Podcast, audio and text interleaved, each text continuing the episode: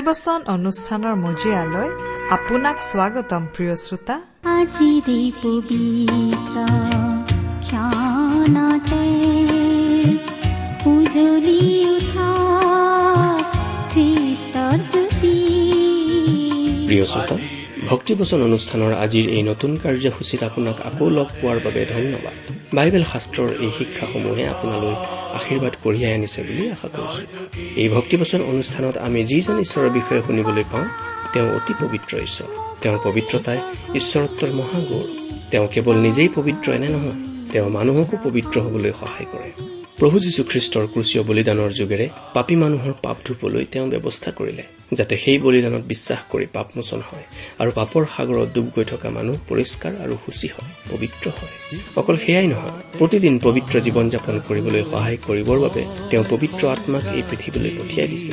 সেই পবিত্ৰ আত্মাই আপোনাক সত্যৰ পথে পবিত্ৰতাৰে চলি যাবলৈ সহায় কৰে। এই পবিত্ৰ ঈশ্বৰৰ বিষয়ে আৰু অধিককৈ জানিবলৈ আহক। আজিৰ ভক্তিবচন অনুষ্ঠান শুনো। যিচুৱে মাতে আহা কাষলে শংকা এৰি। অনন্ত জীৱন আছে তেতে আহা সবে আজি দৌৰি যিচুতে পাবা সুখৰ আধাৰ পাপ অপৰাধ ক্ষমা। তোমাৰ জীৱন আৰু প্ৰাণ তেওঁতে অৰ্পণ কৰা যিচুতে পাবা সুখৰ আধাৰ পাপ অপৰাধ ক্ষমা। তোমাৰ জীৱন আৰু প্ৰাণ তেওঁতে অৰ্পণ কৰা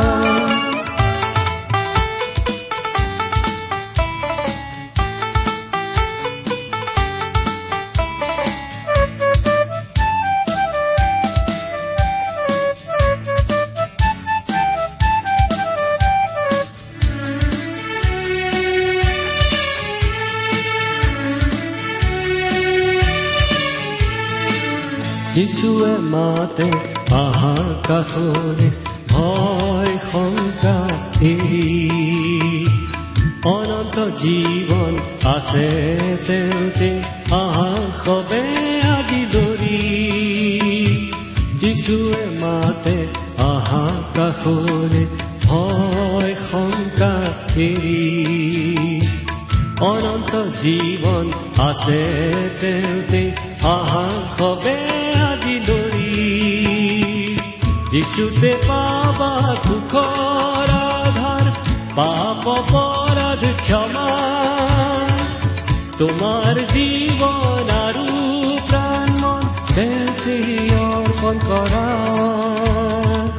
যিচুতে পাবা সুখৰ আধাৰ পাপ অপৰাধ ক্ষমা। তোমাৰ জীৱন আৰু প্ৰাণ তেওঁতে অৰ্পণ কৰা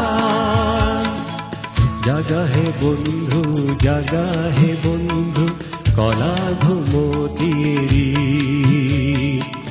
শুই থাকোতেই বেলি লহিয়াই আৰু নকৰা দেৰি আমাৰ পৰম পবিত্ৰ প্ৰভু যীশুখ্ৰীষ্টৰ নামত নমস্কাৰ প্ৰিয় শ্ৰোতা আশা কৰো মহান পিতা পৰমেশ্বৰৰ মহান অনুগ্ৰহত আপুনি ভালে কুশলে আছে।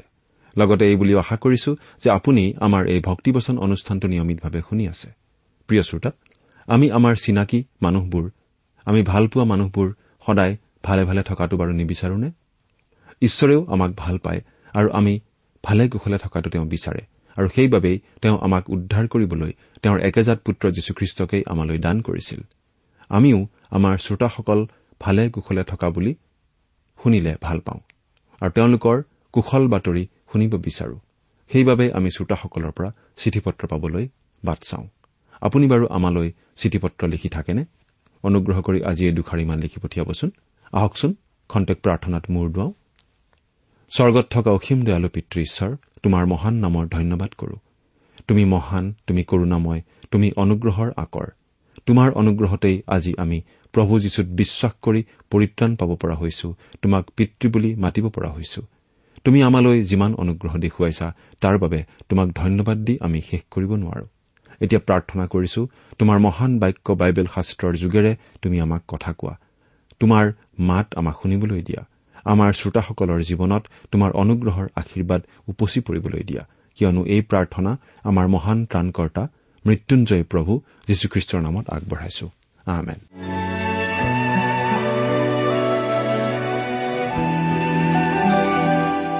প্ৰিয় শ্ৰোতা আমি আজি ভালেমান দিন ধৰি বাইবেলৰ পুৰণি নিয়ম খণ্ডৰ যিচয়া ভাৱবাদীৰ পুস্তক নামৰ পুস্তকখন অধ্যয়ন কৰি আছো। এইখন এখন ভাৱবাণীমূলক পুস্তক। ভাৱবাণী অৰ্থাৎ ঈশ্বৰে তেওঁৰ নিৰ্বাচিত লোক অৰ্থাৎ ভাৱবাদীৰ যোগেৰে জনাই দিয়া কিছুমান কথা। বেছিভাগ কথাই ভৱিষ্যৎবাণী আৰু কিছুমান বাণী সেই সময়তে ঘটিবলগীয়া বাণী থাকে আৰু কিছুমান ভৱিষ্যতে ঘটিবলগীয়া বাণী থাকে। যিচয়াৰ যোগেদিও ঈশ্বৰে এনেকুৱা ভাৱবাণী কিছুমান জনাই দিছিল বিশেষকৈ ইছৰাইলৰ বিষয়ে ইছৰাইলৰ চাৰিওফালে থকা জাতি কিছুমানৰ বিষয়ে আৰু গোটেই জগতৰ বিষয়ে। শেষকালত কি হ'ব? প্ৰভু যীশু যে পৃথিৱীত জন্মগ্ৰহণ কৰিব আৰু শেষত কেনেকৈ তেওঁ এই পৃথিৱীত তেওঁৰ ন্যায় শাসন ন্যায় ৰাজ্য স্থাপন কৰিব ইত্যাদি বিষয়ৰ ভাৱবাণী আপুনি যদি আমাৰ আগৰ অনুষ্ঠানটো শুনিছিল তেনেহলে আপোনাৰ নিশ্চয় মনত আছে যে আমি আগৰ অনুষ্ঠানত এই যিচয়া পুস্তকৰ চৌত্ৰিশ নম্বৰ অধ্যায়ৰ পাঁচ নম্বৰ পদলৈকে পঢ়ি আমাৰ আলোচনা আগবঢ়াই নিছিলো। গতিকে আজিৰ অনুষ্ঠানত আমি এই যিচয়া পুস্তকৰ চৌত্ৰিশ নম্বৰ অধ্যায়ৰ ছয় নম্বৰ পদৰ পৰা আমাৰ আলোচনা আৰম্ভ কৰিব খুজিছো। যিচয়া পুস্তকৰ পৰা আজি আমি অধ্যয়ন কৰিবলৈ লোৱা শাস্ত্ৰাংশখিনি যিচয়া চৌত্ৰিশ নম্বৰ অধ্যায়ৰ ছয় নম্বৰ পদৰ পৰা পঁয়ত্ৰিশ নম্বৰ অধ্যায়ৰ দহ নম্বৰ পদলৈকে। আমি ইয়াৰ আগৰটো অধ্যয়নতেই কৈছিলো যে এই চৌত্ৰিশ নম্বৰ অধ্যায়ত জগতখনৰ চূড়ান্ত সংঘৰ্ষ বা আৰ্মাগেদনৰ যুদ্ধৰ বিষয়ে পোৱা যায়। আৰু জগততেই ঐশ্বৰিক বা স্বৰ্গীয় ৰাজ্য স্থাপন কৰাৰ কথাৰে সামৰণি মৰা হৈছে।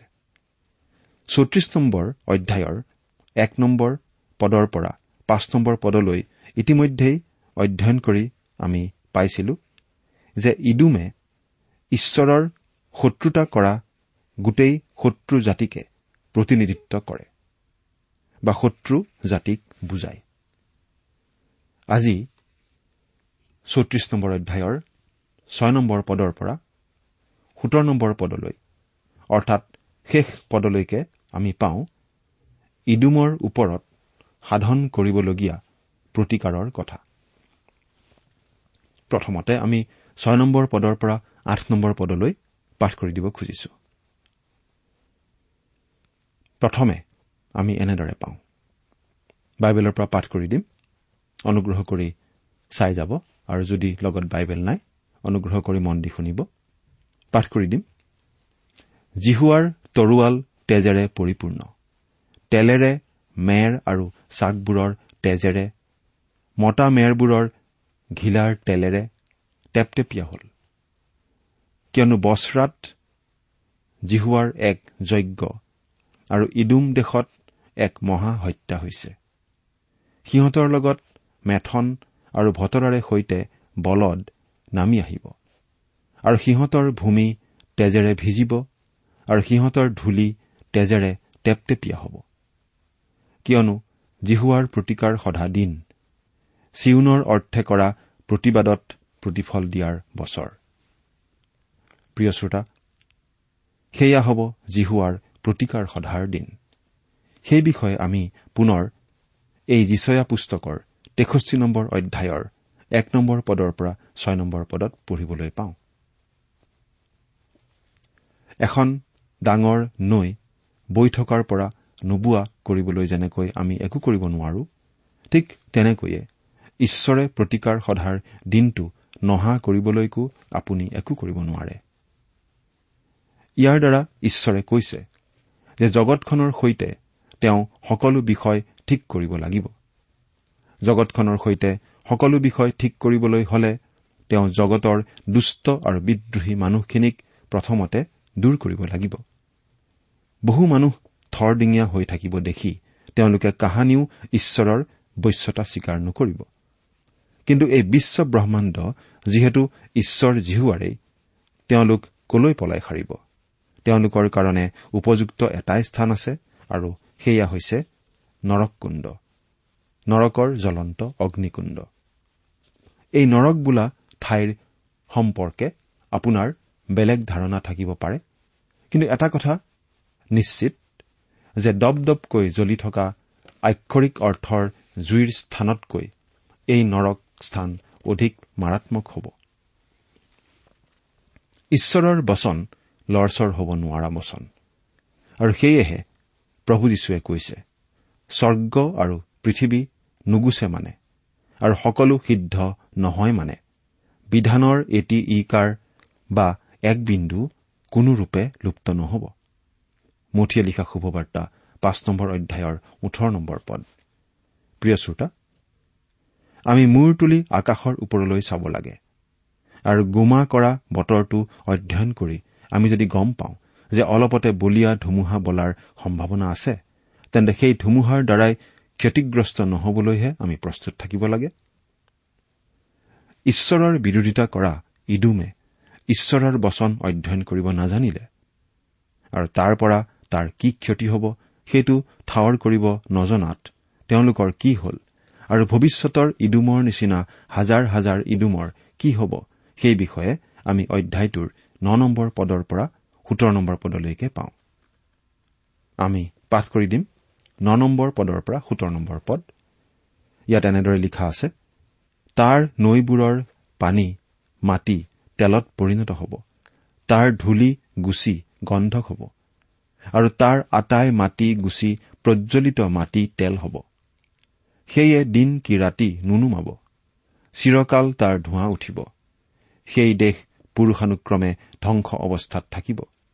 কোনেও তাৰ মাজেদি চিৰকাললৈকে কেতিয়াও নাযাব। কিন্তু ঢেৰা চৰাই আৰু কেটেলা পহুৱে তাক অধিকাৰ কৰিব। হুদু আৰু ধোঁৰা কাউৰীয়ে তাৰ মাজত নিবাস কৰিব। আৰু বিশৃংখলা কৰিবৰ অৰ্থে তাৰ ওপৰত পৰিমাণ জৰি বিস্তাৰ কৰা যাব। তাৰ প্ৰধানবিলাকক ৰাজ্যলৈ মতা যাব কিন্তু তাত কাকো পোৱা নাযাব। আৰু তাৰ সকলো শাসনকৰ্তা নাইকিয়া হ'ব। আৰু তাৰ অট্টালিকাবোৰত কাঁইট আৰু তাৰ কোঠাবোৰত চোৰাত আৰু কাঁইটীয়া বন গজিব আৰু দেশ শিয়ালৰ বসতি আৰু উট পক্ষীৰ চৰণীয়া ঠাই হ'ব। আৰু সেই ঠাইত অৰণ্য নিবাসী বনৰীয়া জন্তুৱে ৰাং কুকুৰৰ লগ পাব আৰু বনৰীয়া ছাগে নিজ নিজ লগৰীয়াক মাতিব। এনেকি সেই ঠাইত নিশাচৰী জন্তুৱে নিবাস কৰিব আৰু নিজৰ নিমিত্তে বিশ্ৰামৰ ঠাই পাব। সেই ঠাইত জঁপিয়াই যোৱা সাপে বাস কৰি কণী পাৰিব আৰু তাক উমাই পোৱালি জগাই নিজৰ ছাঁত পোৱালীবোৰ গোটাব। এনেকি সেই ঠাইত চিলনীবোৰে প্ৰতিজনীয়ে নিজ নিজ সংগীৰ লগত গোট খাব। তোমালোকে জিহুৱাৰ পুথিখনিত কথা বিচাৰি উলিয়াই পাঠ কৰা। এইবোৰৰ মাজৰ এটিৰো অভাৱ নাই। কিয়নো মই নিজ মুখেৰে তাক আজ্ঞা কৰিলো আৰু তেওঁৰ আত্মাই সেইবোৰ গোটালে। তেওঁ সেইবোৰৰ নিমিত্তে চিঠি খেলিলে আৰু সেইবোৰক তেওঁৰ নিজৰ হাতেৰে পৰিমাণ জৰীৰ দ্বাৰাই তাক ভাগ বাটি দিলে। সেইবোৰে তাক যুগে যুগে অধিকাৰ কৰিব। পুৰুষানুক্ৰমে তাত বাস কৰিব। এয়াই হ'ব ইডুমৰ অৱস্থা। কিন্তু ইডুমে যদি মূৰ তুলি গোমা আকাশখনৰ ওপৰলৈ চাব জানিলেহেঁতেন আৰু তেনে আকাশৰ বতৰ অধ্যয়ন কৰিব জানিলেহেঁতেন আৰু তেনেদৰে বলিয়া ধুমুহা জাক অহাৰ আগতেই উমান পালেহেঁতেন তেন্তে সেই জাক ধুমুহাৰ পৰা হ'ব পৰা ক্ষয় ক্ষতিৰ পৰা নিশ্চয় ৰক্ষা পাবলৈ প্ৰস্তুত থাকিব পাৰিলেহেঁতেন। এটা জাতিৰ কথা এৰি আমি ইডুমৰ অৱস্থাটো যদি নিজৰ ব্যক্তিগত জীৱনৰ মাজেৰে চাওঁ ইডুমৰ ঈশ্বৰহীনতা অৱস্থাটো মই মোৰ জীৱনত আৰু আপুনি আপোনাৰ জীৱনত দেখা পাব নেকি বাৰু? প্ৰিয় শ্ৰোতা সম্পূৰ্ণ নম্ৰতা আৰু আন্তৰিকতাৰে কওঁ যে আপোনালোকৰ এই অযোগ্য আৰু তাৎপৰ্যহীন দাসে তেনে ঈশ্বৰবিহীন জীৱনৰ পৰা মুক্ত থাকিবলৈ বহু বছৰ আগতেই সত্য নিত্য আৰু একমাত্ৰ ঈশ্বৰৰ শৰণাপন্ন হৈ তেখেতৰ দয়া আৰু মৰমতেই তেখেতৰ অনুগামী ৰূপে জীৱনৰ বাট বুলি আছো। জীৱনৰ কোনো কোনো দুখৰ বাট পিছল কোনো কোনো দুখৰ বাট উখুৰা মুখুৰা। পিছল বাটত পিছল খাই পৰো কিন্তু প্ৰভুৰ দয়াত আকৌ উঠি সন্মুখৰ পথলৈ আগবাঢ়ো। উখুৰা মুখুৰা বাটত কতবাৰ যে উজুতি খাওঁ কিন্তু তথাপি গন্তব্য পথত আগবাঢ়ি থাকো। সেয়া মোৰ জীৱনৰ ইডুম হৈ নথকাৰ ইচ্ছা আৰু সিদ্ধান্তৰ কথা। আপোনাৰ কথাটো আপুনিহে জানে। ইচ্ছা কৰিলে আপুনি অৱশ্যে লিখি আপোনাৰ কথা আমাকো জনাব পাৰে। কিন্তু জনাব জানো? কিন্তু জনাওক বা নজনাওক আপুনি আপোনাৰ জীৱন পৰীক্ষা কৰি চোৱা উচিত। এতিয়া আমি যিচয়া পঁয়ত্ৰিশ নম্বৰ অধ্যায়টোৰ অধ্যয়নলৈ আগবাঢ়ো হওক। এই অধ্যায়টোত আমি পুনৰ হাজাৰ বছৰীয়া ৰাজত্বকালৰ আৰু ঈশ্বৰৰ সৰগীয় ৰাজ্য পতাৰ ছবিখনকেই দেখা পাওঁ। এই অধ্যায়টোৰ বাবে আমি প্ৰভু ঈশ্বৰক বিশেষভাৱে ধন্যবাদ দিওঁ হওক। কাৰণ এই অধ্যায়টোত আমি পাওঁ যে আৰ্মাগেডন ৰণটোৱেই সকলোৰে শেষ নহয়। পঁয়ত্ৰিশ নম্বৰ অধ্যায়ৰ বিৱৰণখিনি কথা কবিতাৰ নিচিনা। সুধ বিচাৰৰ যি গ্ৰাসকাৰী জুই সেই জুই জ্বলি এই অধ্যায়টোত শেষ হৈছে। আৰু ন্যায় বিচাৰৰ যি তৰোৱাল সেইখন খাপত ভৰাই থোৱা হৈছে। জগতখনৰ সংকটৰ সময়খিনি শেষ হৈছে। আৰু হাজাৰ বছৰ ৰাজত্বৰ ৰাতিপুৱাৰ আনন্দজাক আহি দুৱাৰদলিত উপস্থিত হৈছে। শান্তিৰ উচ্চ পৰিৱেশ ছটিয়াই এই অধ্যায়টো সামৰা হৈছে।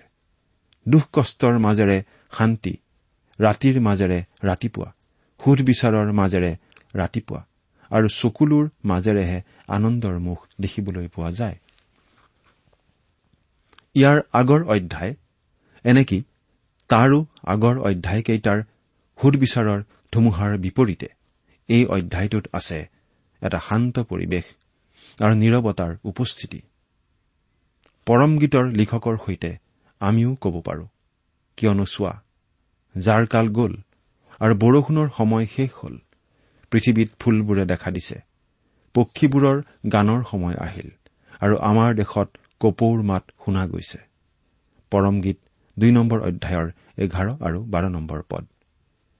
এই অধ্যায়ৰ প্ৰথমতে আমি পাওঁ পাৰ্থিৱ জগতখনৰ পুনৰুদ্ধাৰৰ কথা। অৰ্থাৎ মাটিৰ পৃথিৱীখন পুনৰ সুন্দৰ হ'ব। পাপৰ যি অভিশাপ তাক দূৰ কৰা হ'ব। এতিয়া আমি এই পঁয়ত্ৰিশ নম্বৰ অধ্যায়ৰ এক নম্বৰ পদটো পাঠ কৰো। শুনিবচোন। অৰণ্য স্থান আৰু নিৰ্জন ভূমি আনন্দিত হ'ব আৰু মৰুভূমি উল্লাসিত হৈ গোলাপ ফুলৰ নিচিনা প্ৰফুল্লিত হ'ব। আমি আজি যি শুনিছো আৰু যি জানিছো তাৰ পৰা এই কথা জানো যে পৃথিৱীৰ মৰুভূমিবোৰ আয়তনত অকণো কমা নাই বৰং বাঢ়িহে গৈ আছে। তাকো প্ৰতি বছৰেই আয়তনত ডাঙৰ হৈ গৈ আছে। খৰাং বতৰ আৰু গৰাখহনীয়াই এই বৃদ্ধিত অধিক আৰু নিশ্চিত সহায় কৰিছে। তাৰোপৰি প্ৰদূষণৰ প্ৰাদুৰ্ভাৱ অতি অধিক হৈছে। কিন্তু প্ৰভুৰ হাজাৰ বছৰীয়া ৰাজত্বৰ কালত এইবোৰ সকলো ওলোটা হৈ পৰিব। মন্দ দূৰ কৰা হ'ব। পাপৰ যি অভিশাপ তাক নিৰ্মল কৰা হ'ব। মৰুভূমিবোৰ ফুলনিত পৰিণত হ'ব কাৰণ মৰুভূমিত হালি জালি ফুল ফুলিব। বোলা কথাষাৰে ভৱিষ্যতৰ পৃথিৱীখনৰেই ছবি দাঙি ধৰিছে। আপুনি যদি কোনো ডাঙৰ মৰুভূমি দেখিছে তেন্তে এই কথাৰ মৰ্ম উপলব্ধি কৰিব পাৰিব। কিন্তু এনেবোৰ ডাঙৰ ডাঙৰ মৰুভূমি হয় সৰু সৰু মৰুভূমিত পৰিণত হ'ব নহয় সেইবোৰ একেবাৰে নাইকিয়া হৈ পৰিব।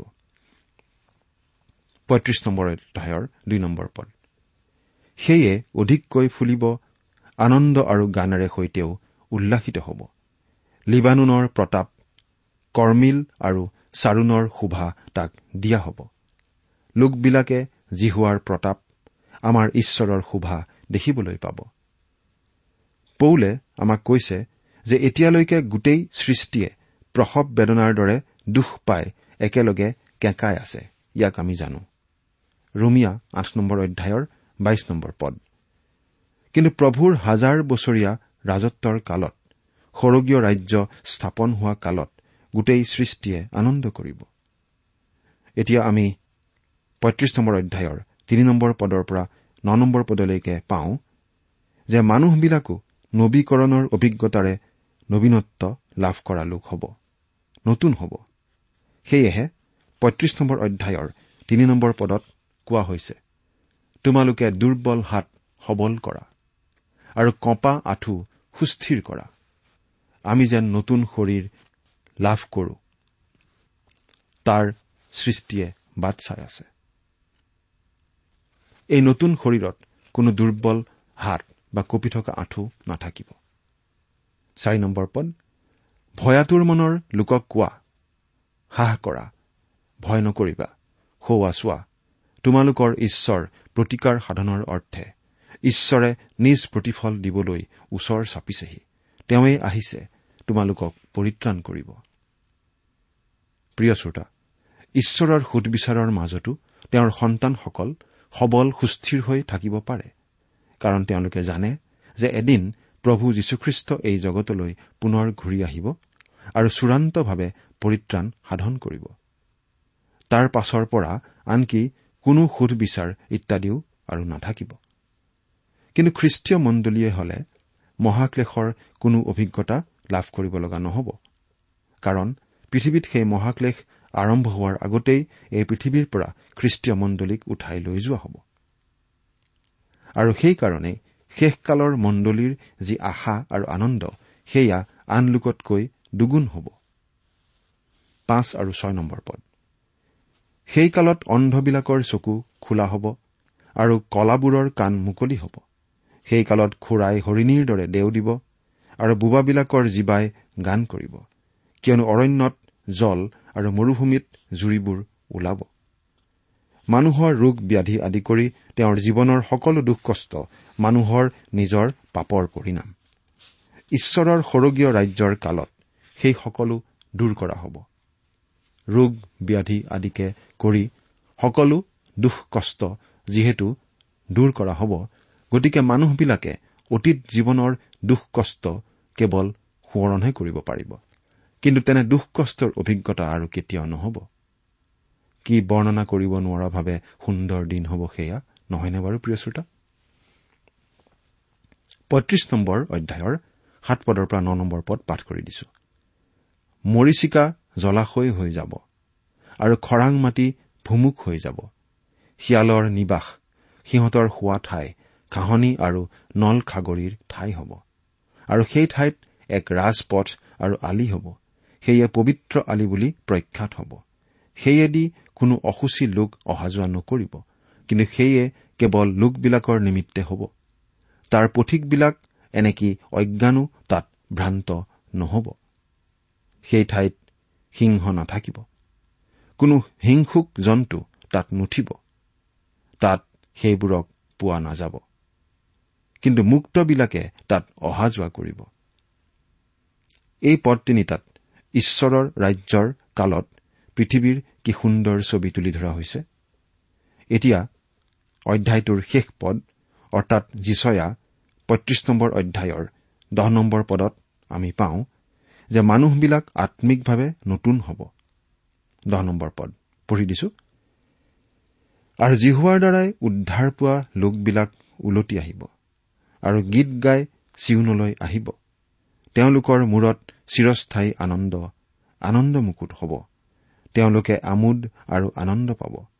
সুখ আৰু হুমনিয়াহ দূৰলৈ পলাব। প্ৰিয় শ্ৰোতা ইয়াতকৈ অধিক সুন্দৰ কথা আপুনি কিবা ভাবিব পাৰিবনে? ইয়াত জিহুদী বা ইছৰাইল সকলোকেই কেৱল ধৰা হোৱা নাই। প্ৰভুৰ সেই হাজাৰ বছৰীয়া ৰাজত্বৰ কালত তেওঁৰ ৰাজ্যত ভুক্ত সকলোবিলাক মুক্তিপ্ৰাপ্ত লোককেই ইয়াত অন্তৰ্ভুক্ত কৰা হৈছে।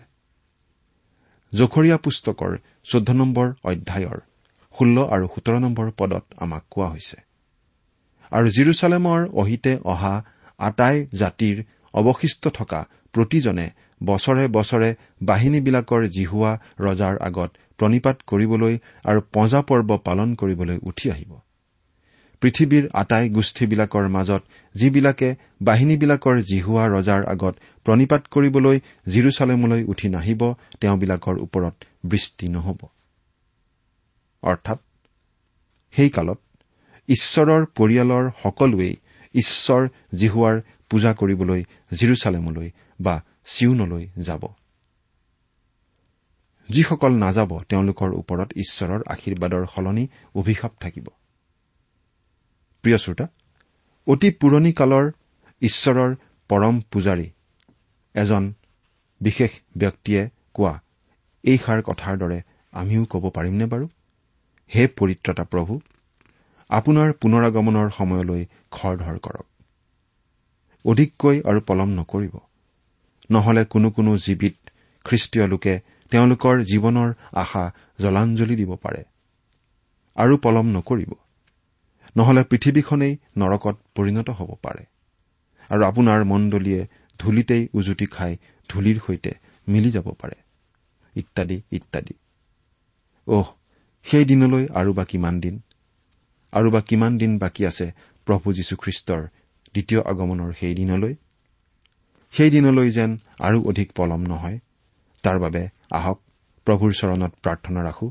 আৰু সেইদৰে তেওঁৰ পুনৰগমনৰ অৰ্থে আমি কাম কৰি যাওঁ হওক আজিলৈ আমাৰ আলোচনা ইমানতেই সামৰিব খুজিছো।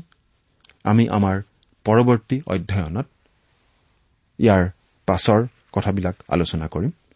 অনুগ্ৰহ কৰি আমাৰ পৰৱৰ্তী অনুষ্ঠান শুনিবলৈ যেন নাপাহৰে। ঈশ্বৰ আপোনাৰ সহায় হওক। আহমেন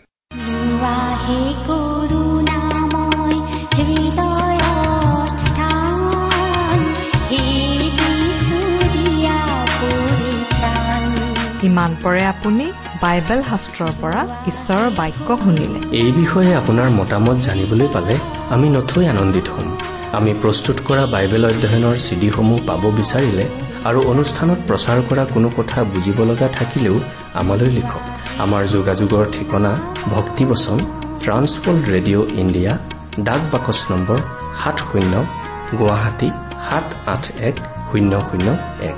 ঠিকনাটো আকৌ এবাৰ কৈছো ভক্তিবচন ট্ৰান্সৱৰ্ল্ড ৰেডিঅ' ইণ্ডিয়া ডাক বাকচ নম্বৰ সাত শূন্য গুৱাহাটী সাত আঠ এক শূন্য শূন্য এক।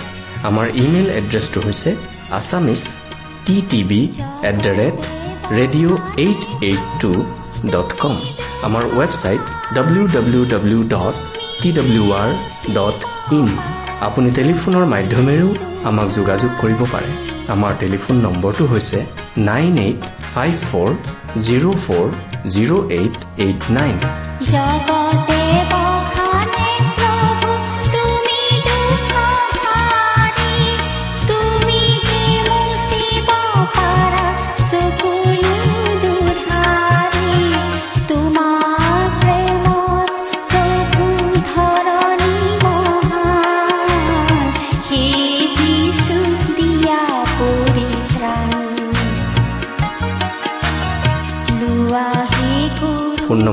আকৌ এবাৰ কৈছো ন আঠ পাঁচ চাৰি শূন্য চাৰি শূন্য আঠ আঠ ন।